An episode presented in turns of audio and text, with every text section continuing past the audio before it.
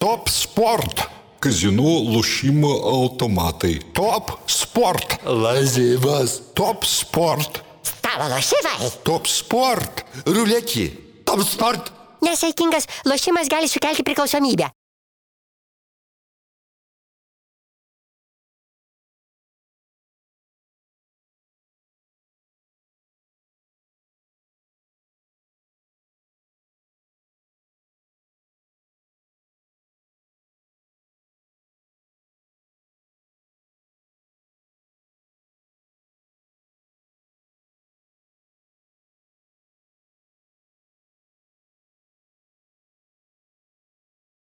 Sveiki gyvi, laida standartinė situacija ir vėl su jumis e, Žydrūnas Gruzinskas, Rytis Sveiki. Išniauskas, nuostabus futbolo komentatoriai ir aš, Gintaras Radauskas.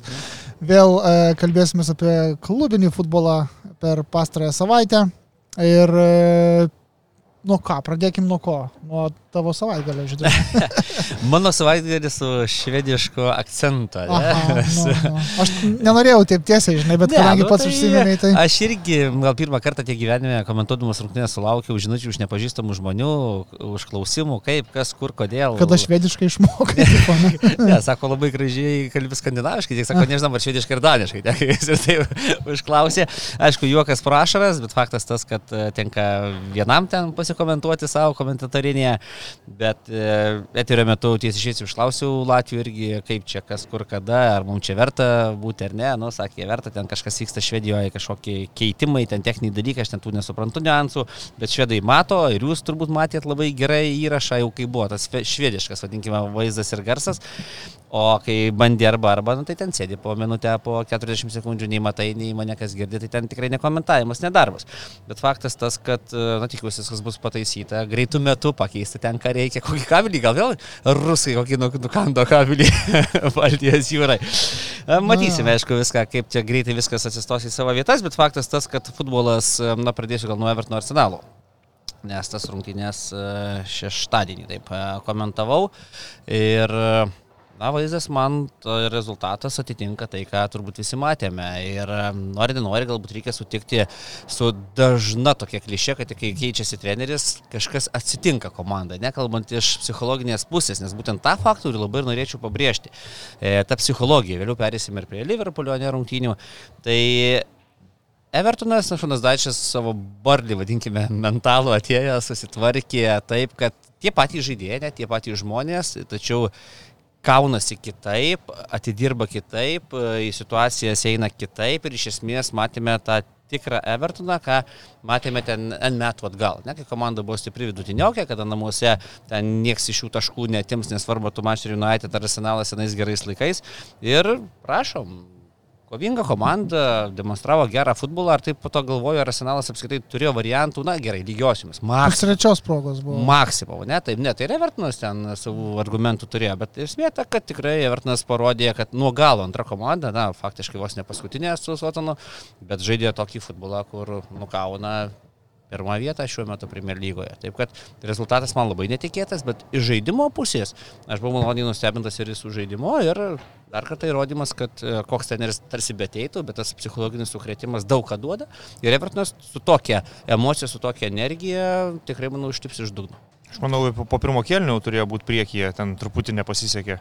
Bet įvartis ateina kaip ir pas Šoną Daišą turi ateiti po kampinio ir muša tas pats Tarkovskis, kuris muždavo po kampinio ir Barnį treniruojant. O kampinį kelią tas pats Maknylas, kurį irgi. treniravo Barnyje. Tai Šonas Daišas atėjo į komandą, kurie vis tiek randa savo kareivėlių e, buvusių. Ir, ir, ir galbūt e, aš manau, kad Evertonas e, pažiūrėjo visai taip pragmatiškai į savo sunkę situaciją lygoj, nes kai buvo kalbos, kad jie renkasi tarp Bielsos, tarp Daišo, tai, na, Bielsa vis tiek yra treneris, kuris nori kurti kažkokią filosofiją. Ir kartais tai būna truputėlis skausmingas procesas iš pradžių, kol, kol žaidėjai pripranta prie to ilgesnis, jo. žaidimo, o tu dabar esi pozicijoje, kai tau reikia greitų rezultatų. Ir Čia ateina dabar. Šonas Daišas, kuris, nu, greičiausiai sustatys komandą disciplinuotai, e, Ar, te, ar, ar, ar ten tiesiog 4-4-2 ar, ar žaist. 4-5-1, čia turbūt ir nuo varžovo priklauso, nuo dienos, bet esmė ta, kad visada bus pamatiniai principai, gynybiniai, nieko kažkokio ten super sudėtingo iš taktinės pusės, bet emociškai vis- visada užvedantis komandą treneris, ką mes matydavom, kai jis treniravo, tikrai su mažais resursais, barliai ir ilgą laiką su jais, sakyčiau, virš, virš lubų eidavo, kai vieną kartą net septintą vietą buvo pagriebęs, tai manau, kad iš Evertono pusės sprendimas toks, kad dabar mums svarbu likti lygojo. Jeigu, jeigu Daišas padarys gerą darbą, tai tu tada duodi jam tvarkytis tą komandą, kad jisai galbūt jau pagal savo, Yeah. Savo požiūrį nuo pradžių pradėtų. Tai aš taip įsivaizduoju. Pratęsiu rytį trumpai ir pagintrai istoriukas, nes e, Š- Šonas Daičas ir minėjo, kad sako, man nereikia dabar jaunų naujų žaidėjų, ten žvelgiant į perspektyvą, ne, sako, man reikia dabar čia taškų, reikia išlipti iš dugno ir matome, kad tai sugeba padaryti.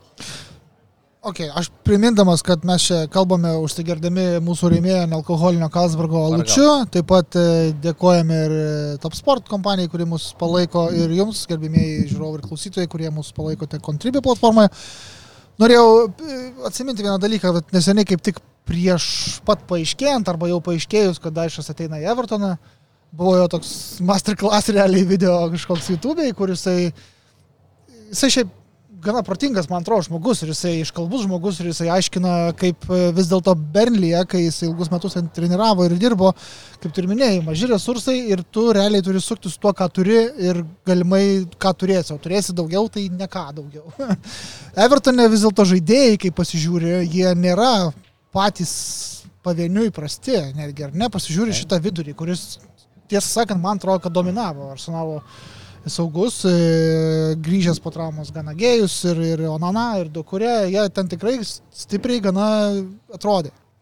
Ir man atrodo, kad netgi tas žaidimas, gal švetvagiškai pasakysiu, jis nebuvo toks labai jau berliškas, kaip mes esame įpratę su Šono Daišo komandomis. Buvo ten ir minties, ir taip, įvartis po standarto, kas yra labai tipiška Daišo Bernliui, bet uh, nežinau, man atrodo, kad visai buvo sol, sol, solidesnis, gerokai ir įvairesnis netgi žaidimas. Bet Daišas pats ir pasakė, kad, ta prasme, yra kita komanda, kiti, kiti pasirinkimai, aš galbūt kitaip ir žaisiu. Aš nemanykit, kad aš galiu žaisti tik taip ir anaip. ir Ne, labai gerai pradėjai, būtent nuo Šonodačio to fakto, ką minėjai, kad e, čia žaidėjai individualiai yra pajėgesni negu Bardi komandoje.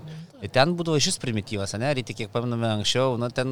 Na, ten buvo du poliai aukštas, žemas. Ja, ir, ir taip. Ir- Ir, ten, Ir dar vienas iš jų visas- toksai. Bet aš niekada nepamiršiu, kad vieną kartą Semas Vauksas galvą įmušė iš 18 metrų.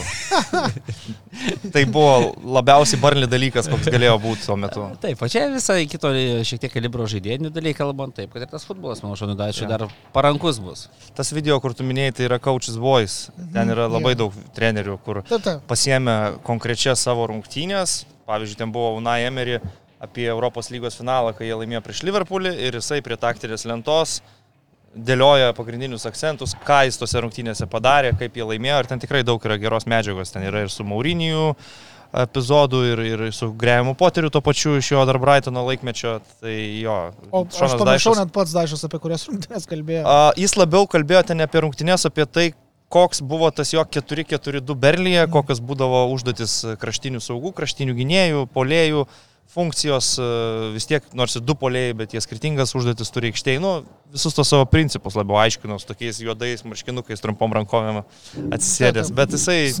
Jisai turi, turi tikrai daug charizmos, gerą humoro jausmą, jo, jo spaudos konferencijos Berlyje būdavo e, pastoviai, tur- turbūt ten iki ašarų prisijuokdavo žurnalistai, tai ir dabar jo klausė apie taktinį planą, kaip jūs čia e, lygos lyderius taip uždarėt, e, kokie čia sprendimai buvo priimti.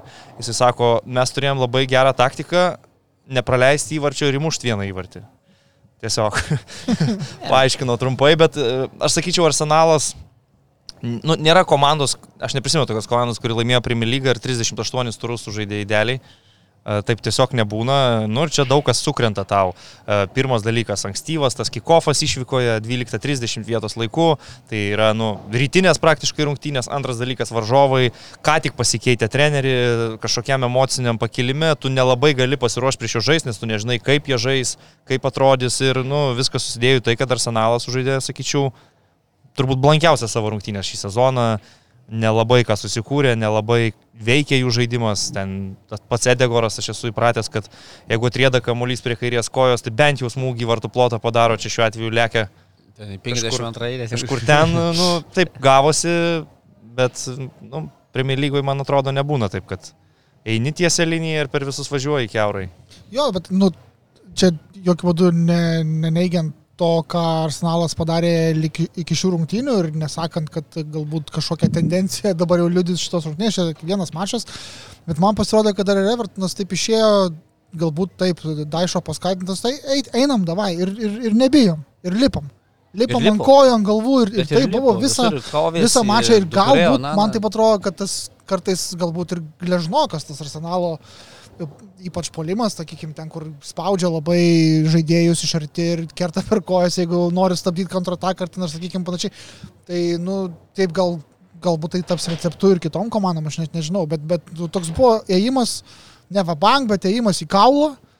Ir e, žiūrėjimas, ką jie atgal atsakys. Nes Nepaslaptis, kad Arsenalą gali išmušti būtent Mm, kietų jo. Būtent išmušti, kalbant apie tiesioginį tą žodį, kad kontaktą, ras kontaktą mikrodvikos, tai yra neleis Edagurui pakelt galvos, priimti kamulio, beje, kai buvo labai, e, kas stebėjote, įdomu matyti kraštuose, Saka su Martinelį, vienas prieš du visada. Iš karto krašto gynėjas, na kaip e, viskas suprantama, tačiau ir krašte esantys atakuojantys žaidėjai iš karto nerdavo žemyn ir nepalikdavo galimybės migruoti su kamuoliu vienas prieš vieną ir visiškai išsijungė. Nebuvo kraštų, nu, ten sakė, gal kartą suspurdėjo, bet iš esmės tikrai suvaržė. Edigoro nebuvo, ten pakeitė jį, nes na, nesimatė aikštėje apskritai. Ten nesukurs partija su Džaka, ten, žinai, kaip Edigoras, bet faktas tas, kad tikrai išjungė pagrindinius žaidėjus, išjungė puolamąją mašiną arsenalo ir susitvarkė. Tai čia ir yra vienas iš tų pamatinių principų, ką Šonas Daišas aiškino, kad mes žaidžiam Premier lygo ir varžovai pastovi turi elitinio lygio vingerius. Ir mano principas visada yra toks, kad e, niekada negali palikti vienas prieš vieno kraštuose. Jis pats, pats tą aiškino ir akivaizdu, kad jau nuo pirmų rungtynių tą daro su Evertonu, nes visiškai teisingas, aš manau, pastebėjimas, bet kurią pasimk iš dabar geriausių Premier lygos komandų, tai vingeriai yra, nu, sprokstantis žaidėjai, kurie gali tave sudraskyti, suplėšyti. prieš šitą neapsigins. Ar, ar ten Saka Martinėlį, ar žaisi ten prieš Rashfordą Antonį, ar žaisi prieš Marezą, ar žaisi, nu, okei, okay, Chelsea gal kol kas žaidimas neina, bet tu pažiūri Bet tos tai- žaidėjus atskirai ir jų individualius sugebėjimus irgi tas pats ir jo, nu čia yra turbūt sprendimas, kaip tu gali kažkiek juos prigesinti ir bent jau šitose rungtynėse pavyko. Ir šiaip aš manau, kad dabar vis labiau artėja sezono stadija, kai pavojingiausias varžovas ir bus 18 vieta, 17 Kas vieta, krenta. 19. Mažiau pavojingi bus tie, kurie 9, 10, 11, nes nu, išlikimas yra didelis dalykas, o dėl Europos irgi, nu, manau, nuo kokio 28 turo jau bus tokių komandų, kurios nei iškris, nei kažkur prasimuš ir tiesiog užbaiginėja sezoną ir prieš jas turbūt yra žaisti žymiai lengviau. Tai Evertonas akivaizdu, kad dabar yra klubas, kuriam reikia kilt, nes kiek domėjausi, tai jeigu Evertonas iškristų čempionšipą, tai jiems būtų net laikomas finansinis smūgis. Jie ir stadioną bando statytis, ir transferam yra išleidę per paskutinius metus e, tikrai milžiniškas kiek, kiek Chelsea per metus, per vieną langą. Bet tos sumos jiem neatsiperka rezultatų prasme, stadioną statyti irgi kainuoja pinigų ir, ir dabar iškristi į čempionšipą būtų didelis finansinis skausmas. Ir buvo dabar netgi kalbų, kad ir savininkas kažkiek svarsto parduoti Evertoną ar bent jau kažkokią dalį savo akcijų, bet turbūt tam, kad parduotum visų pirma reikia likti lygoje, nes šiuo metu niekas turbūt nenorės apsimti tokios e, košės. Nu, aš tai kažkaip, bent jau jeigu vėlgi sakau, jeigu tai taps kažkokių tikrai rimtesnių pokyčių klubo žaidime ir pačiam e, mentalo šitam e, pokytyje, tai, tai kažkaip įtariu, kad Evertonas bus saugus. Yra ten komandų, kurios, kurios prašiau atrodo ir kurių treneriai labai keistus dalykus, bet šneka, aš kalbu apie Southampton, aišku. Aš irgi manau, kad Evertonas lik žaidėjai yra geri, bet, bet kažkas vis tiek turi iškristi. Ir nu, gal dėl Bormuto ir Saudemtono iškritimo tai atrodo labai logiška, bet dar viena komanda turi kristi ir aš žiūriu jas visas. Ir sunku man dabar best pirštų ir pasakyti, kuri iš jų atrodo tokia jau visiškai nusilpus. Tai mes turim Lesterį, Wolverhamptoną, Westhamą, Leedsą, Evertoną. Nu, kaip ir visas atrodo ant popieriaus neblogos komandos. Na taip, bet Lycas, e, žinai, pernai irgi jisai beveik jau, ne pernai, jo, pernai vos neiškrito, bet, Vos bet gal neiškrito. šiemet jau, jau gal ir Nu, pribręs. Westhamas aš netikiu, kad iškris. Ne, ne. Uh, Wolverhamptonas kažkiek pradeda gerinti žaidimą su naujų treneriu ir kokybės ten yra. Tas Daugiau pats negu Lesteris reikia, irgi. Mm. Tai nežinau, vis tiek bet kokia atveju iškris viena komanda, kuri yra nu, pakankamai rimta. Ir jos iškritimu, manau, pasinaudos mielai kiti klubai susipirkdami vieną kitą atletą papildomą, nes žinom, kad e, dauguma Premier lygos žaidėjų turi įsirašę tuos e, išpirkos punktus, kad jeigu komanda iškrenta, yra suma, už kurią jį gali įsigyti kitas klubas ir toks Evertonas jį iškristų. Aš, Būtų ką rinkoje. aš galvoju, ten 4-5 žaidėjai, kurie gali ramiai sustiprinti e, kitus klubus. Taip. Bet kokiu atveju Arsenalas, kad ir pralaimėjo, e, pozicijų lentelės viršuje e, kaip ir neapleido. Ta pati penkių taškų persvara prieš Manchester City su vienu rungtynių atsarga. A, Netrukus jau tarpusavė, beje, mačas kitos savaitės viduryje berots, ar ne? Tas nukeltasis. e, Bet kas atsitiko šį kartą, tai vakar atvažiavo į Londono Tottenham Hotspur stadioną, naująjį, penktą kartą. Penktą kartą neįmušė ne vieno įvarčio, penktą kartą pralaimėjo penktam iš eilės treneriui, kuris netgi nebuvo pagrindinis komandos treneris. Nebuvo stadione net pagrindinio. Jo, trenerio. vis, Žinai, kokie- buvo ko- Italija. ko- Kaž, koks čia, yra- kas čia neįtikėtina? Tarsi, kodėl tai, kas čia vyksta? Žinai, koks yra expected goals tų penkių rungtynių Manchester City? Aš įsivaizduoju. 9,79. Neįmušė ne vieno Tai, įvarčio. okay, nu, bet aš dėl to sakau, kad Aišku, tai yra neįtikėtina. Tų Kažkaip penktų rungtynių serijų buvo ir baudinys neįmuštas Jo, ir, ir Taip. Viskas. Tai, tai yra sunkiai suvokiama ir netgi sakyčiau, kad nelabai įmanoma paaiškinti kažką. Nu, Taip, bet jeigu pasimt šitas vienas rungtynės, nes prieš tai aš paminu tokių, kur tikrai jie žaidė, lipo, draskė, šimtą progų švaistė, ten Sterlingas nepataikė ir galiausiai nelaimėjo, tai jeigu šį kartą pasimt rungtynės, tai manau, kad Tottenhamas nusipelnė pergalės, tiesiog buvo kažkiek geresnė komanda, gerai gaudė varžovus tranzicijoje. Kaip ir pirmam tarpusavio mačiai įmušė įvartį iš varžovų didelės klaidos prie savo baudos aikštelės, šį kartą Rodri ten. Žinai, ta, ta klaida irgi reikia išprovokuoti. Tai aš nesakau, kad ten tiesiog- Netikėtai aukštas ne, tai- presingas pasitiko.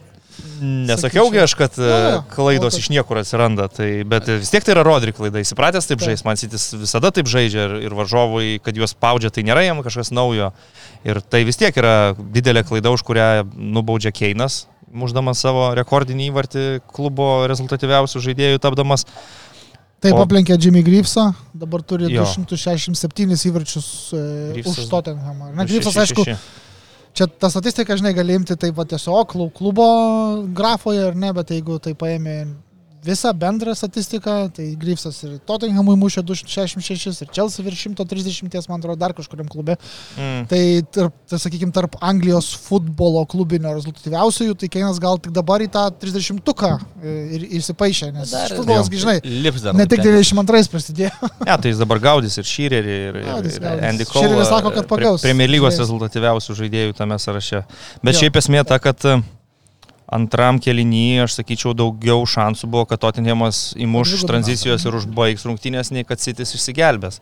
Ma- Manau, kad Sičio vienintelė reali proga buvo Marezo skersinis pirmo kėlinio gale.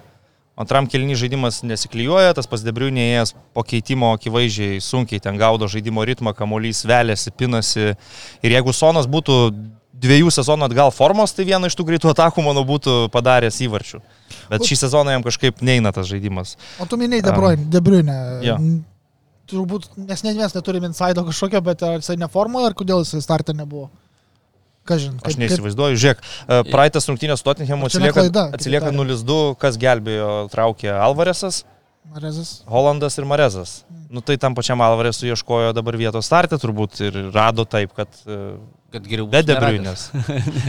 Ne, Net, nu, neturiu menį, aš- kad sudėtis buvo prasta kažkokia, bet nei De Bruyne'as, nei Gundogano Gundoganą, startę aš nežinau. Po to leido būdų, bet jau ten sudėtinga, kad nors pakeisti. Bet man kažkaip jau nuo pat pradžių matėsi, kad bus sunku. Bus sunku kai vėl atsivežė tą įvartį ir taip galvoju, na, du kartus nepaleis. To tinkamas vis tiek tas iššūdas bus padarę ir antrame kelnėtų pokyčių tokių ryškesnių, kaip kad pirmose rungtynėse, kur iškart persilaužė greitas įvartis ir ten tas volas, kai įsivažiavo, tai kažkas nerealaus. O dabar matėsi, kad nu, nėra tos ugnelės. Kaip pas arsenalą nebuvo, Taip ir Man City, tokia iš inercijos tarsi komanda. Rodo Holanda kažkoks irgi ten kreipo galvą, tų kamuolių negauna į tas zonas, tarsi bando, bet ten Dairis renkasi tuos kamuolius aukštus su Romero ar ten variantų jokių. Nes neturėjo Holandas, ne realios progos, mm -mm. kiek pamenu. Aš jeigu, jeigu, jeigu galima apie Olandą labai trumpai, a, ne, ne šiaip ne vieno smūgio netliko, ką paskutinį kartą buvo padaręs 20 metų rugsėjai Bundeslygoje. Bet ne vieno kamulio prilietimo priešininkų baudos aikštelį. Nes Tai ten... palyginus su Keinu, kuris atliko 10, netgi kontratakuojant komandai, o ne, o ne puolant, ar ne, tai čia netgi buvo tokių Skandi Karolas pareiškimų. Jokais be abejo, nes jis yra nuostabus talentas ir wunderkindas, bet galbūt e, neklysta tie, kurie tą tezę sako, kad e, Holandas yra puikus, bet su juo City yra prastesnė komanda negu anksčiau. Kaip tu galvoji? Sunku pasakyti. Iš principo, taip šį sezoną jie atrodo prastesnė komanda nei praėjusį sezoną, bet nežinau, ar čia Holandas yra visa esmė. Yra įvairių dalykų, kad ten pašlyjo santykiai su Kancelu, kuris buvo praėjusį sezoną kertinis žaidėjas. Panašu, kad Bernardo Silva kontraktų neprasitęs, nori išeiti, Gindoganas irgi su panašiom mintim, kaip ir laimėjo tos titulus, galbūt ta komanda kažkokio persikrovimo jau reikalauja, galbūt kažkuriem žaidėjim jau motivacijos lygis pakritęs, dėl to atsiranda Rikolių visas staiga starto sudėties žaidėjų tampa vaikis kur stumdo irgi dabar į dešinį, į kairę, kai su kamoliu žaidžia, iš vis jie ten sustoja trim vidurio gynėjais, tas liūsas atraminių pradeda žaisti ir tai yra pepo schemos, bet jos yra, nusakyčiau, sunkios schemos. Su Zdinčiako gali žaisti ir su Kancelu, ir kur su jaunu. Taip, tai jis ką tik pradėjo žaisti vyrų futbolį ir tu jau apkrauni jį Taip, savo to- taktikom. funkcijom. Taip, bet ir tai jis šauna, aišku, tų klaidų buvo, viskas tvarkoja, bet jeigu jis nedarytų 18 metų tokių klaidų, tai apie ką mes kalbame, ne? Jo, jo. Taip, toks jausmas, kad per didelę naštą jam užkrovė, nes, na, tai žiūrint ir į jį, ten tikrai sudėtinga vaikui, bet, Sunku, aišku, ir sakau, nu, ir Rodri žaidė prastas rungtynės, ne tik dėl tos klaidos, bet nu, daug buvo epizodų, kuris kaip atraminis saugas dažniausiai įsitį išveda į gerą ataką, čia kažkur ten vienu lėtimu per daug, kažkuris pastringa, atsimuša į varžovą, nu ne jo rungtynė, sakykime, tai buvo. Taip, daugelis tų kontratakų, kur, kur, į kurias antrajame kelne bėgo Tottenhamas, tai buvo po būtent Rodrio. Ne iki galo tikslių tas perdavimų. pas ir Marezas, Grilišas buvo dažniau matomas, dažniau su kamoliu, nes Marezas ten, ką minėjai, tik tas kirsinys, iš esmės toks irgi be kamolio kažkur tarpinėse padėtyse kamolių negauna, į dvikovą sudėtinga ten nugarą žaisti, nu ir toks, vėlgi tas futbolas, kai iškenta vienas, kitas, trečias ir tas mechanizmas na, visiškai neveikia. Mm. Silpnos rungtynės, aš sakau, Tottenhamas nusipelnė pergalės geresnė komanda. Pasiteisinimų čia nėra ką ieškoti, bet vieną dalyką norėčiau atkreipdėmėsi, kaip ir mūsų čia rašiau. Ah. Ir paskui dar atsisukau. Nuo 87 iki 90 minutės. Grilišas veržiasi su kamoliu, išprovokuoja pražangą, Romero gauna antrą geltoną kortelę. Romero išvarimas iš aikštės išprašymas užtrunka beveik minutę. Tada jau jį išvedus iš aikštės yra paruoštas keitimas, atliekamas keitimas, tai dar užtrunka geras 20-30 sekundžių, kol Sančiasas įeina į aikštę, pasirodo aikštėje, žaidėjai pasikeičia. Tada Manchester City ruošiasi baudos smūgiui, irgi statosi kamolį, tuo tarpu spursai reikiuosi senelę, guldosi žaidėją ir taip toliau. Tada Debriuinė padaro stiprų baudos smūgį, pataiko Hebergui į veidą. Hebergas išsijungia. Ten po rikošėto, ten buvo sliečia, ten irgi. Nu, bet ten- jisai nu, taip, atsigula. Taip, taip, Ir- taip atsigula. Teisėjas kaip ir pri- privestas stabdyti žaidimą, nes yra, kad žaidėjas guli, buvo kontaktas veidai ir jisai guli. Tada ateina gydytojai, suteikia pagalbą e, Piero Emiliui Hebergui. Ir aš atsisukau pasižiūrėti, visą tai skaičiau. nu. Visą tai truko nuo 87 minutės pabaigos, nu gal jau 88 minutės pradžia, iki pat 90 minutės. Tai reiškia, kad per tas beveik 3 minutės buvo vienas futbolo veiksmas. Tai yra Smūgis. baudos smūgis. Ir teisėjas prideda 5 minutės. Kur Nu, keitimai irgi visi, kur galvojau, dar pauzė. Bus penkios plus tos trys, nu, kai būna tam jų sandūroj to Pasaulio pagrindinio čempionatas pridėto mūsų laiko. pratino ten prie Jo, jo. 12 minučių ir panašiai. Ir čia aš nieko nesakau. Sitis greičiausiai pridėjo 8 ar 10. Taip kaip jie žaidė, Nepagelbėjo. nelabai jie ten ko buvo verti, nelabai jie te- ten ką ir būtų išspaudę net 11 prieš 10. Bet nu, man pati logika. Tai juk tu turi tą laikrodį, pas tave viskas ten fiksuojasi, stabdosi. Ką tik per 3 minutės buvo vienas smūgis į kamolį. Tai reiškia, kad nu, per 3 minutės futbolas nevyko. Taip. Aš manau, kad į tokius dalykus reikėtų labiau atkreipdėmės, nes tos pauzės šiek tiek erzina, tu žiūri, jeigu dar palaikai kažkokią komandą, tave nervina, matai, tas laikas eina, tada pamatai penkios ir... Tave nerina. Keista. Gintarai gerai. Ne, Ne, tai ne, aš, aš tos nesupratau šito, man tikrai aš norėtųsi, kad pusės, viskas e, būtų iki galo, kaip sakoma, išžaista. Jeigu jau buvo va, trauma, gulinėjimai, Jo. keitimai, tai išžaidžiam ir tada gali visiškai be jokio kabliuko sakyti, kad va, pelnytai laimėjo. O čia dar, ką tu žinai, 11 prieš 10, ten tas spaudimas vis tiek buvo. Nu, visko būna, aš sutinku. Tai- Ne, bet žinai, aš sakau, mane nervina pralaimėjimai, kai aš matau, kad komanda gerai žaidė ir kažkas nutiko, kažkur kažkas tai nes, nesusiklyjavo, kažkur pasisekė varžovui, tada aš tikrai būnu truputį susinervinęs. Čia kaip pralaimėjo, jie turėjo pralaimėti pagal visą žaidimą, ką mačiau. Nėra ko skūstis, bet galvoju, kad teisėjams nu, reikia prie tos temos grįžti su laiko kompensavimu, nes nu, Kamolys per mažai būna žaidime ir nepakankamai užmes ten penkias minutės. Ir dar per tas penkias minutės Rodris su Liorisu baudos aikšteliai parkrito, pats gulėjo, Kamolys žaidime nebuvo, viskas ten vilkinosi, tempėsi ir jie per tas penkias minutės ten dar, dar dadėjo gal ekstra Pusantros minutę ar pusantros, bet ir per, tas, per tą laiką Kamolys žaidime tiek te pabuvo. Tai Taip, taip. Nu Nu, čia jau tų komandų, kurios siekia išlaikyti persvarą, tipinė taktika, ypač kai turi trenerius, kurie, kurie turbūt sugeba įdėkti. Bet čia šiuo atveju net, nu, žinai, dalykų buvo, kurių nei tu suplanuosi, nei ką, nu, ten Romero, kad gaus antrą geltoną, tai Nu taip, bet tai žinai. taip nutiko. Čia... Žodžiu, Ir tiek. galim turbūt apie pačias rungtynes baigti, bet apie Manchester City ne, nes šiandien kaip tik buvo ir yra vis dar šviežia, daug kas vadina e, labai svarbia, aš nesu tikras informacija apie tai, kad e, Premier Lyga oficialiai apkaltino Manchester City daugiau nei šimtą kartų pažeidus e, finansinės taisyklės nuo 2010-2011 iki 2017-2018 metų sezono. Per tą periodą City tris kartus laimėjo lygą, daugybę kartų laimėjo lygos ir FA taurės. Um, nežinia, kokios čia gali būti sankcijos ir kada svarbiausia, aš nemanau tikrai, kad gali būti kažkas šį sezoną be šansų su teisiniais procesais.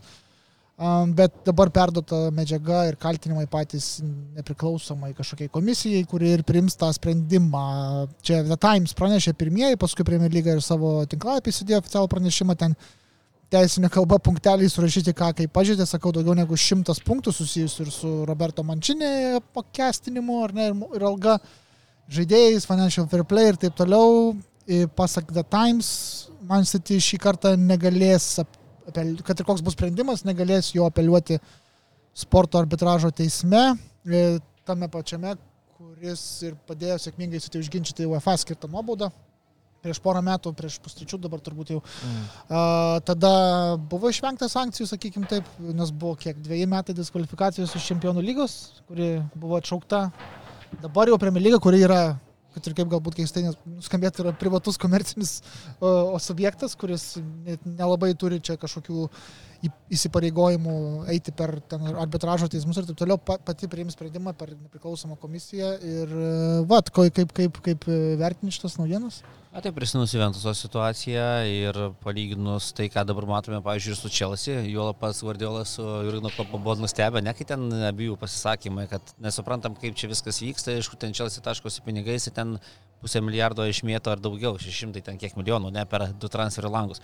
Tai esmė ta, kad ir patys turbūt žino, kas vyksta nu, labiau Guardiola šiuo atveju taikoma, kas vyko tame klube. Tai abejoju, kad žino, tikrai nemanau, kad jis, aišku, visiškai šonė ir nesupranta, kaip kas čia vyksta, bet Mhm. kita vertus, nu, nemanau, kad treneris ten įtakoja valdybą priimti tam tikrus sprendimus. Jis dirba savo darbą, bet jeigu tokia diskvalifikacija bus ten su tokiam pasiekmėm, aš nežinau, ar neprasidės tokia, na vadinkime, gal man sitik griūtis, ne? nes metai du ar net trys gali būti tokie, kad bus kaip įliūna, įdysi, po to išteis bus labai sunku. Tai galimos sankcijos pagal aš atsiprašau labai, kad mm. pertraukiau tik tai, kad kontekstui, e, galimos e, nuobaudos e, iš Premier lygos klubui, bent jau pačios Premier lygos tinklalapyje yra minimos trys, tai yra bauda finansinė. Nu, kas niekis palyginus. Jo, čia, čia turbūt lengviausia išeitis, ar ne, tada yra taškų nuskaičiavimas, kaip Juventus į Vakatik, ar ne, bet uh, turbūt irgi ne šį sezoną, aš taip įsivaizduoju. Pradės kitą metą nuo minus E, 15. ir nesu tikras dėl retrospektyvių veiksmų, ta prasme, kad žvelg, žvelgime į tą periodą ir atiminėkim ten titulus, kažkaip įtariu, kad Irgi. tikrai ne. E, Ir trečias variantas, jeigu, kiek supratau vėlgi iš Times, jeigu bent pusė šitų kaltinimų komisija patvirtina, tai yra nu, išmetimas iš lygos. Ir nežinau, ar sezoną ar ne, bet čia... Čia, Tarsi keliaus? galima galbūt netgi čempionšipas arba net- netgi dar žemiau, nes šimtas pažeidimų tai yra ne vienas ar ne du, ar ne? Turbūt nėra visi šimtas lygiaverčiai. Jo, jo, be abejo, kad ne. Kita bet vertus, tai gerai, tu suskaičiuoji šimtą, tai kodėl tu to neužkardini anksčiau, kai padarė pirmą, antrą, trečią nusikaltimą. Nu, ten gerai buvo, kad... truko ketverius metus. Nuo Bet du- čia irgi, žinai, yra klausimas, mes jeigu vat, kalbame Jeigu tas pats nusikaltimas, vadinkime, nusižengimas ten 58 kartą, tai kai jis traktuojamas kaip 58 kartas ar kaip vienas tas čia jau- čia aspektas. jau kur- nežinia, Ne, ne, nežinia. nu. Okay. Šiaip, žinai, mes čia kalbam apie Guardiolą, ten pavyzdžiui, ką jis ten žino, ko nežino, nu reikia suprasti, kad šitie pažeidimai pagrindė įvyko, kol, Kol jo jokių jo. Guardiolų ir nieko Taip, net nebuvo taip, tame taip, klube. taip, taip. Tai realiai, jeigu mes kalbame apie, žinai, taškų sankcijas, pavyzdžiui, tai nu, dabartinė komanda su dabartiniu treneriu turės atkentėti už tai, kas buvo padaryta prieš dešimt metų. Nu, taip veikia, ar ne? Jo, bet Juventusas irgi lygiai taip pat. Tai aš suprantu, nu, tu baudi klubą, Taip. bet kenčia, taip kenčia š- šitas treneris ir šita Taip. komanda, ar ne? Nereikėjo a- eiti, kaip sakoma, į velnę duobę. Tai Jokauju, aš vis- galima ir taip sakyti, aišku, kol kas nieko nežinom, nežinom, kiek truks procesas, kada ten gal bus taip. kad 2025-2026 sezoną pradės su minus 15, kai vėl to paties Guardiolos jau nebebus ir pusės dabartinių žaidėjų nebebus. Bet esmė yra ta, kad aš kažkaip galvoju, uh, nu, Premier lyga savo kieme turėtų kažkaip geriau kontroliuoti visus procesus. Jeigu tu padarai didelius taisyklių pažeidimus 2013 ir jie yra nustatyti, tai aš manau, kad jau 2014 turėtum būti už tai nubaustas, o ne 2023. Pa- Pas mus LFF geriau tvarkosi. Viskas yra susijęs su tuo pačiu UEFA tyrimu. Mesgi tai irgi turim suprasti, kad, ta prasme, iki futbolo lygs išėjimo į viešumą Der Spiegel savaitraštyje vokiečių ar ne, nebuvo ta informacija žinoma, jinai buvo slepiama. Nu tai bet Kai irgi, ar, ar išėjo, pradėjo daryti... tyrimą ir UEFA, kurį jį greičiau užbaigė, pradėjo tyrimą ir Premier League, kurį jį pradėjo 2018 ir tęsė iki dabar.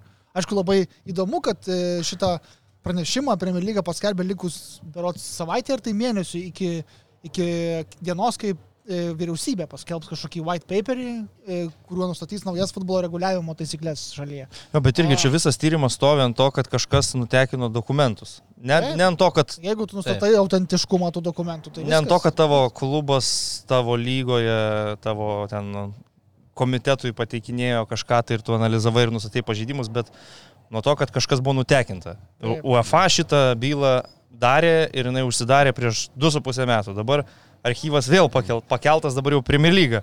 Taip, Premier lyga pradėjo tyrimą tokiu pačiu metu, dar kartą sakau, kaip ir UEFA. Ir, ir su UEFA, ir su Premier lyga, kurios pranešime beje įrašyta juodo ant balto, klubas nebendradarbiavimo. Ne- Nebendradarbiavo keturis su pusę metų su, su lyga vykdant tyrimą. Tai kaip tu tada... O kaip tada licenciją gavo, žinai, paprastai tariant, nes nu, manau ir tai ten... yra tvar- sektoriai, ne? Ne, nu palauk, tai vis tiek Yra yra finansinės yra- atskaitomybės, yra finansinių dokumentų patikra. Ne? Tai dabar netgi LFF tvarkosi, tada reiškia geriau, nes visus klubus iškrato taip, kad turi pateikti garantijas, ten užbaigsi visas skolas, atsiskaitimus su žaidėjais ir taip toliau. Tai dabar jeigu atsakingos ten tos instancijos vis tiek tikrina, nu kaip, tuos dokumentus popierius, ne ką turi tuose savo balansuose. Tai jeigu matai ir ten keturis metus atseit ieškai vienoje vietoje razinų, po to suradai, nu, nežinau, man tai keisti tokie dalykai, bet faktas tas, kur dideli pinigai, milžiniški pinigai, iš esmės gali ką nori tą daryti, po to, na, ištys kažkas ištrauks, kai sakai, ne, kokį lapelį nuskanavęs, kitą išmeta į viešumą prasideda vėl visokios nesąmonės. Na, nežinau. Nu, Taip, galėtų. Man keista. Man atrodo, kad vis tiek ateis, kad ir kaip ta diena atrodys, bet jie išauš, kai dokumentus turės pateikti Premier lygą.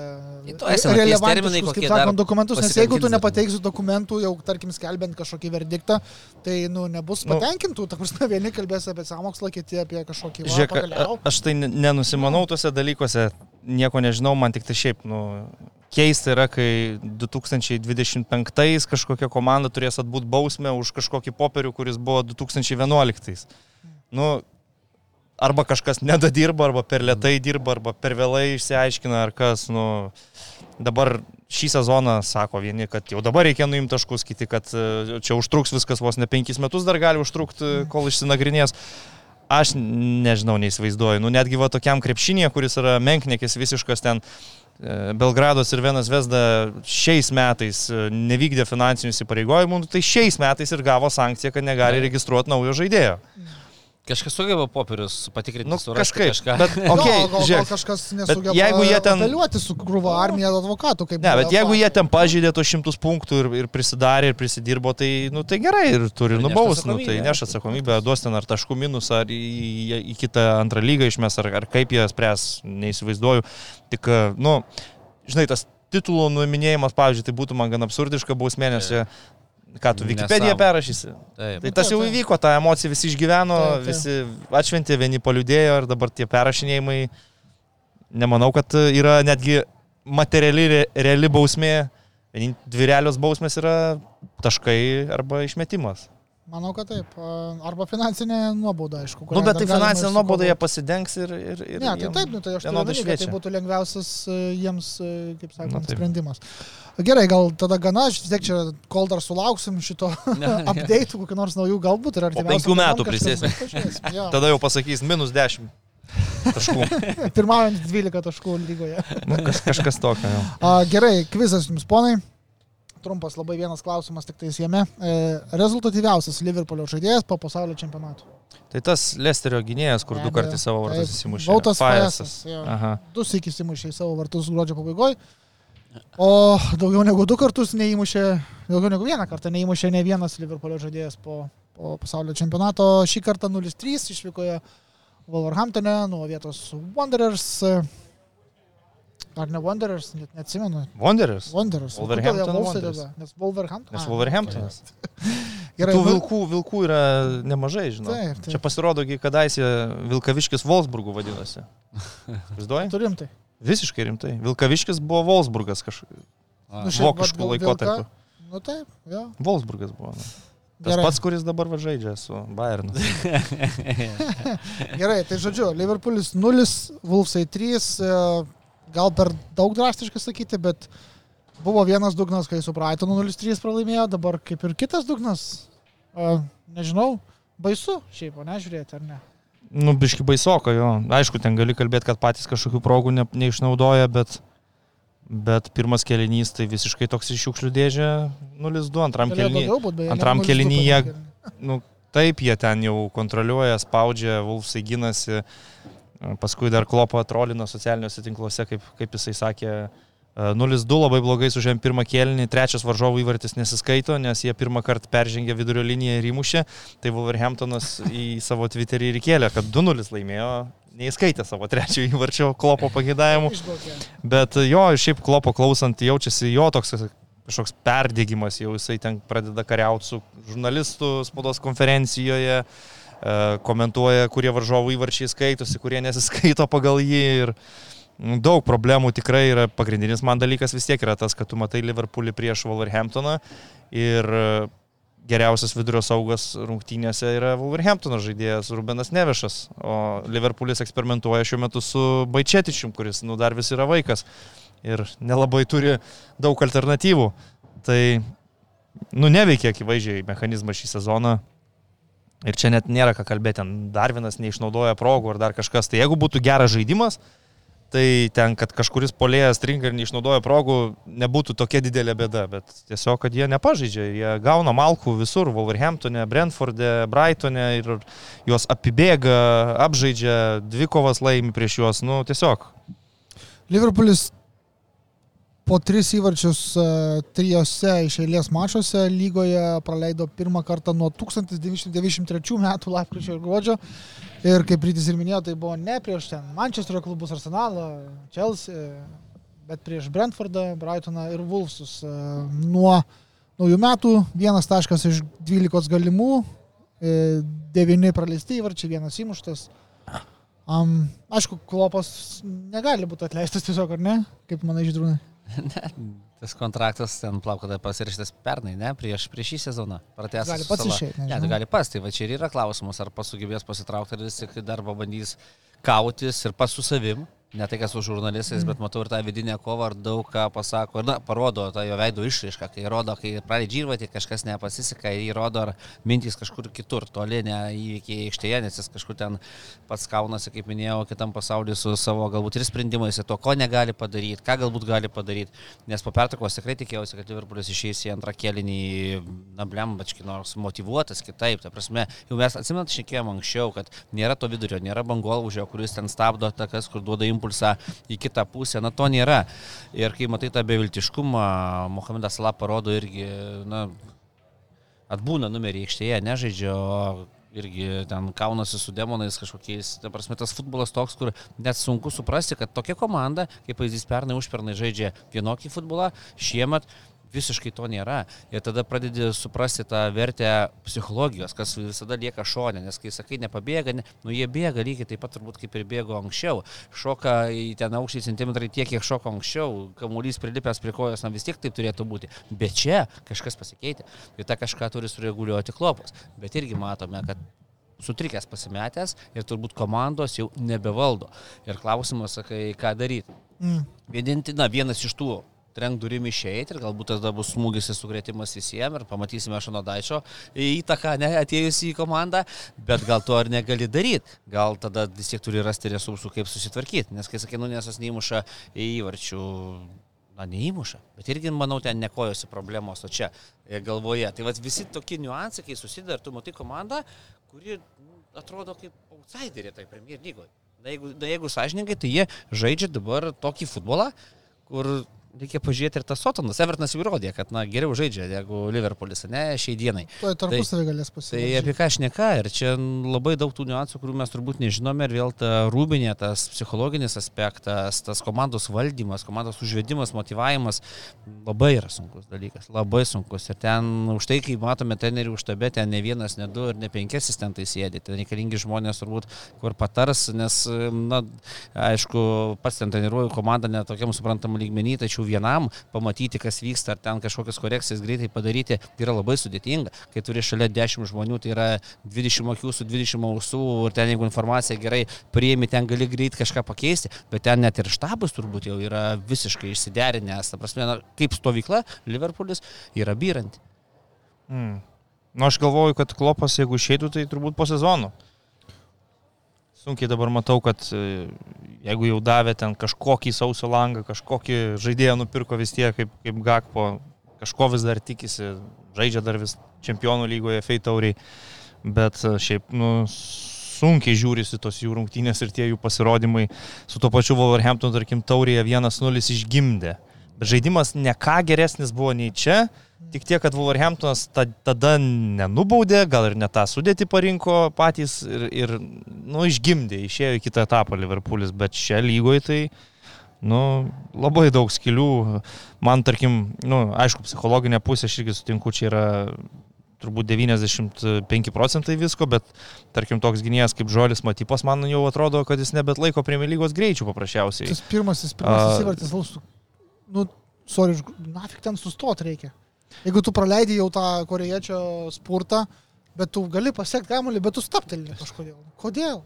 Na, aš Prieš sakau, aš kiek, kiek matau šį sezoną, na, aišku, jie dabar Vandeiko neturi ir dar kažkiek neturės. Ir, grįž ir, ir Matypas gauna žais, bet tai jau veteranas, pats irgi traumų irgi turėjo. Ten tos klaidos, perdavimai, elementarūs, visiškas toks pasimetimas, Alisonas ant ranko mojuoja irgi piktas, na, žodžiu, ten kažkoks bardakas. Daug reikalų. e, Raudonoji Liverpoolio pusėje, raudonoji Manchesterio pusėje, užtat e, e, jos fanai vėl pradeda kalbėti, kaip čia title charges back on. Bet pažiūrėsim dar, kaip čia Nu, jiems vienas gausis. title challenge, tai on, tai Karabao taurės finalas Na, bus taip, su taip. Newcastle Wembley'e.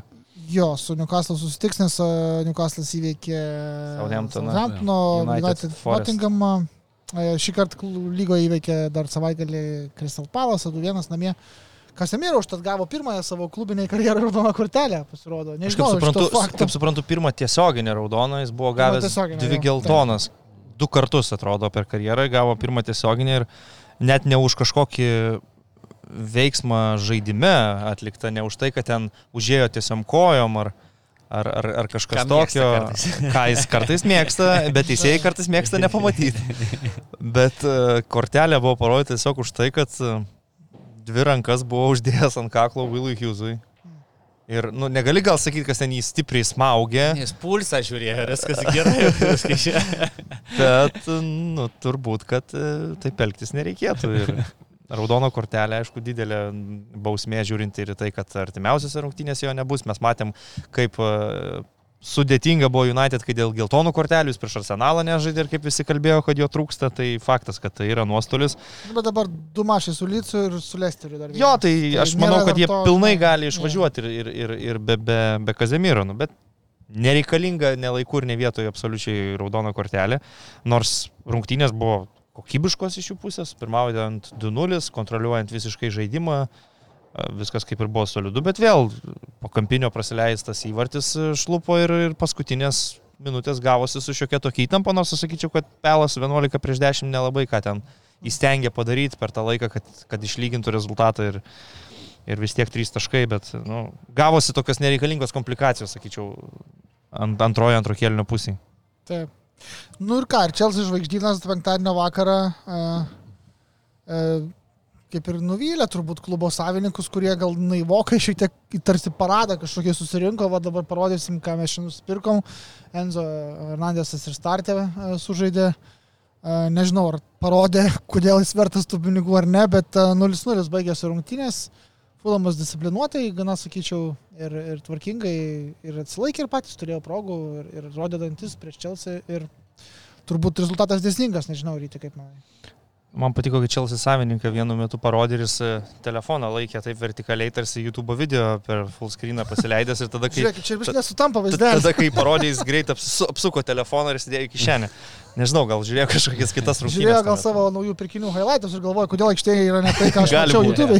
Ne, Arba dar perkam tik tai, arba jau nusipirkom kažką, bet dar aikštėje nėra. Arba, jie- arba ieškojo taisyklių, ar, ar vasarį dar galima pirkti žaidėjus. Kokios Kokia čia nauja spraga? Arba mainus bandė padaryti kokius. Bet beje, aš žinau, tu buvai užsiminęs, kaip va čia, žiūrėkit, kaip čia Čelsi leidžia. Visgi, kiek čia analizų skaičiau, tai jie radė tą teisinę landą. Ta prasme, kad išskaidai Taip, kontraktą ten į 8 10 metai, metų. jo, 8 metai, Mokinė 10. 110 milijonų kas met, sakykime. Taip. Taip, nes čia tu paties Enzo Fernandeso įdomus tas sandoris, pas jį juk buvo kontraktai rašytas aiškus punktas Benficos berots 105 milijonų eurų išpirka, kurią aktyvuoji, susimokai ir žaidėją perki, bet Chelsea susidėliojo 120 milijonų transferą, tiesiog per daug e, taip. mokėjimų išskaidyta. Vietoj to, kad už 105 padėtų ant stalo ir iškart nusipirkti žaidėją. Ir, ir dėl to ir buvo dėrybos, nes iš principo, jeigu yra išpirka, kaip Holando atveju, aktyvavo išpirką ir tada jau dėrybos yra tik su žaidėju ir su jo agentu.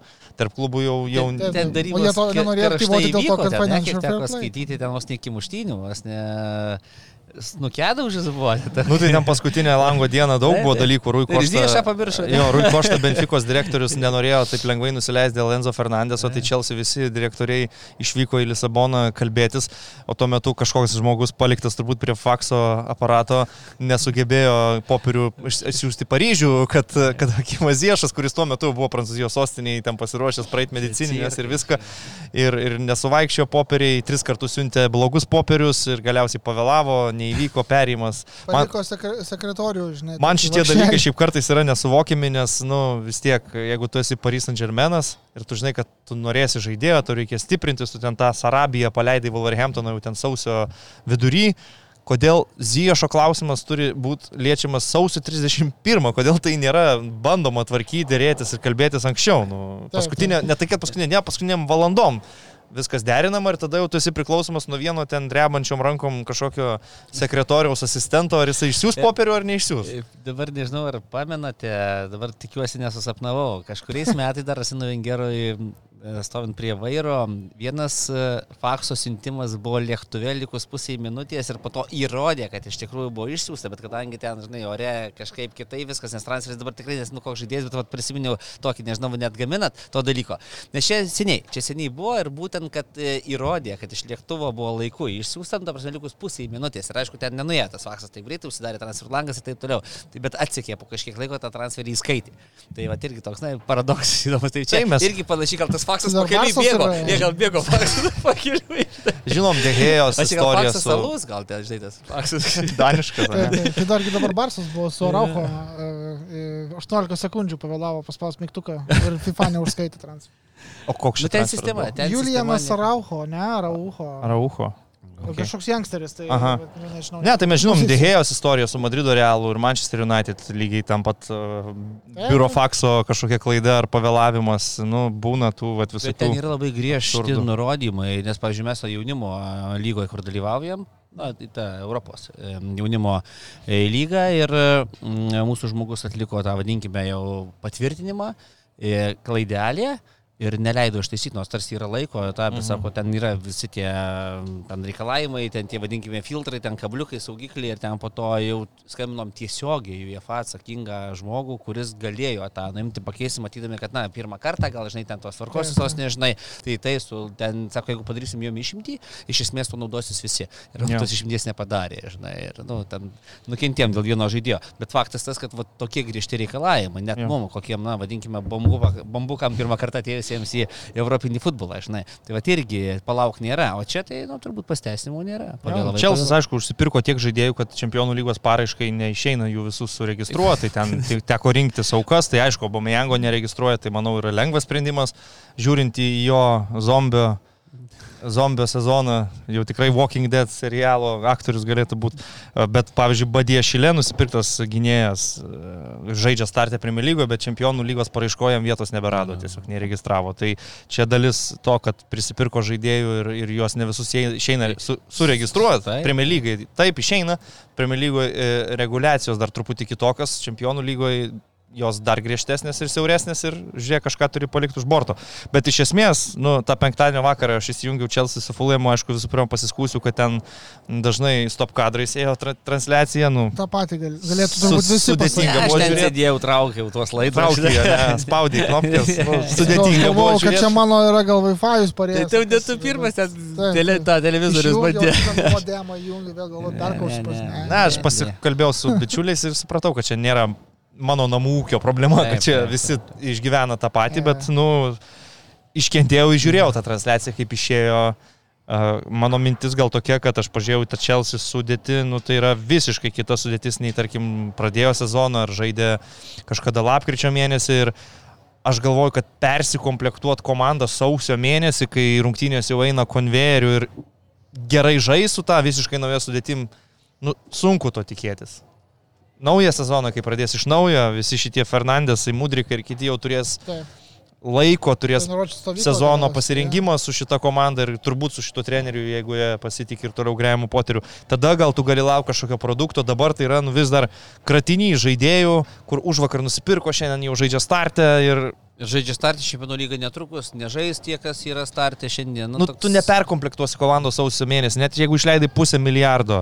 Nu, nebus taip, kad nusipirksi šešis naujus, iš karto ateis į startą, iš karto gerai žais, iš karto čia triuškins Fulhamą.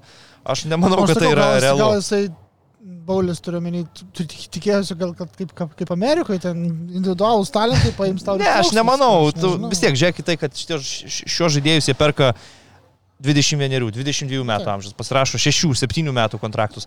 Tai jie irgi, nu, galvoju, nėra tokie, Taip, taip. perka suvokdami, kad tai yra investicija į ateitį. Nebūtinai atvažiavo Enzo Fernandesas dabar sausio mėnesį, iš karto darys stebuklus, geriausių Premier lygos saugų taps ir mes čia greit kilsim iki ketvirto. Tai vis tiek yra perkami žaidėjai ateičiai, jau lipdyti kažkokią komandą, e, po truputį atsisveikinant su galbūt tais sustabarėjusiais žaidėjais, kurie jau Čelsija gal net per ilgai kažkur užsibuvę ir su kuriais jau ir norisi natūraliai atsisveikinti. Tai kažkiek tie procesai vyksta, bet šiuo metu aš manau, kad jiem ir toliau bus labai sunku imti rezultatus. Mm. Sakykime, Mudrikas debitavo su Liverpool, jeigu atsimeni po keitimo, išėjo gerai, sužaidė, Jo, dabar, judėjo, nu- kėlė problemas čia po pirmo kėlinio pakistas, nes nepažaidė visiškai. Buvo, Ir be kamuolių liko, dar reikia tą pabrėžti. Ar kamuolį kai gauna, dar gali kažką išžvelgti, bet kad tu be kamuolio būni, nu, tai palauk, tai kaip tu žaisi. pasibėgiojo ir pasikeitė. Taip, Kaip e, kažkas internete parašė, Černobilio dama traorė. Bet šiaip žiūrėk, dar, dar ką atkreipsiu dėmesį, atsiprašau. Chelsea daug žaidėjų nusipirko didelę sudėtį, turi traumuotų žaidėjų sąrašas. Fofana, Žao Felixas raudoną kortelę, Kante, Kovačičius, e, Pulišičius, Zakarija, Eduaras Mendy. Tai Dar vienas 11. dar viena sudėtis beveik. Taip, panašu, kad tikrai taip su keliais atsarginėsiu, žiūrėk, turi naują. Broja dar tas pats, nu, jis- nežinau, gal ir nebus jų pagrindinis polėjas, bet irgi yra tarptų traumuotų žaidėjų.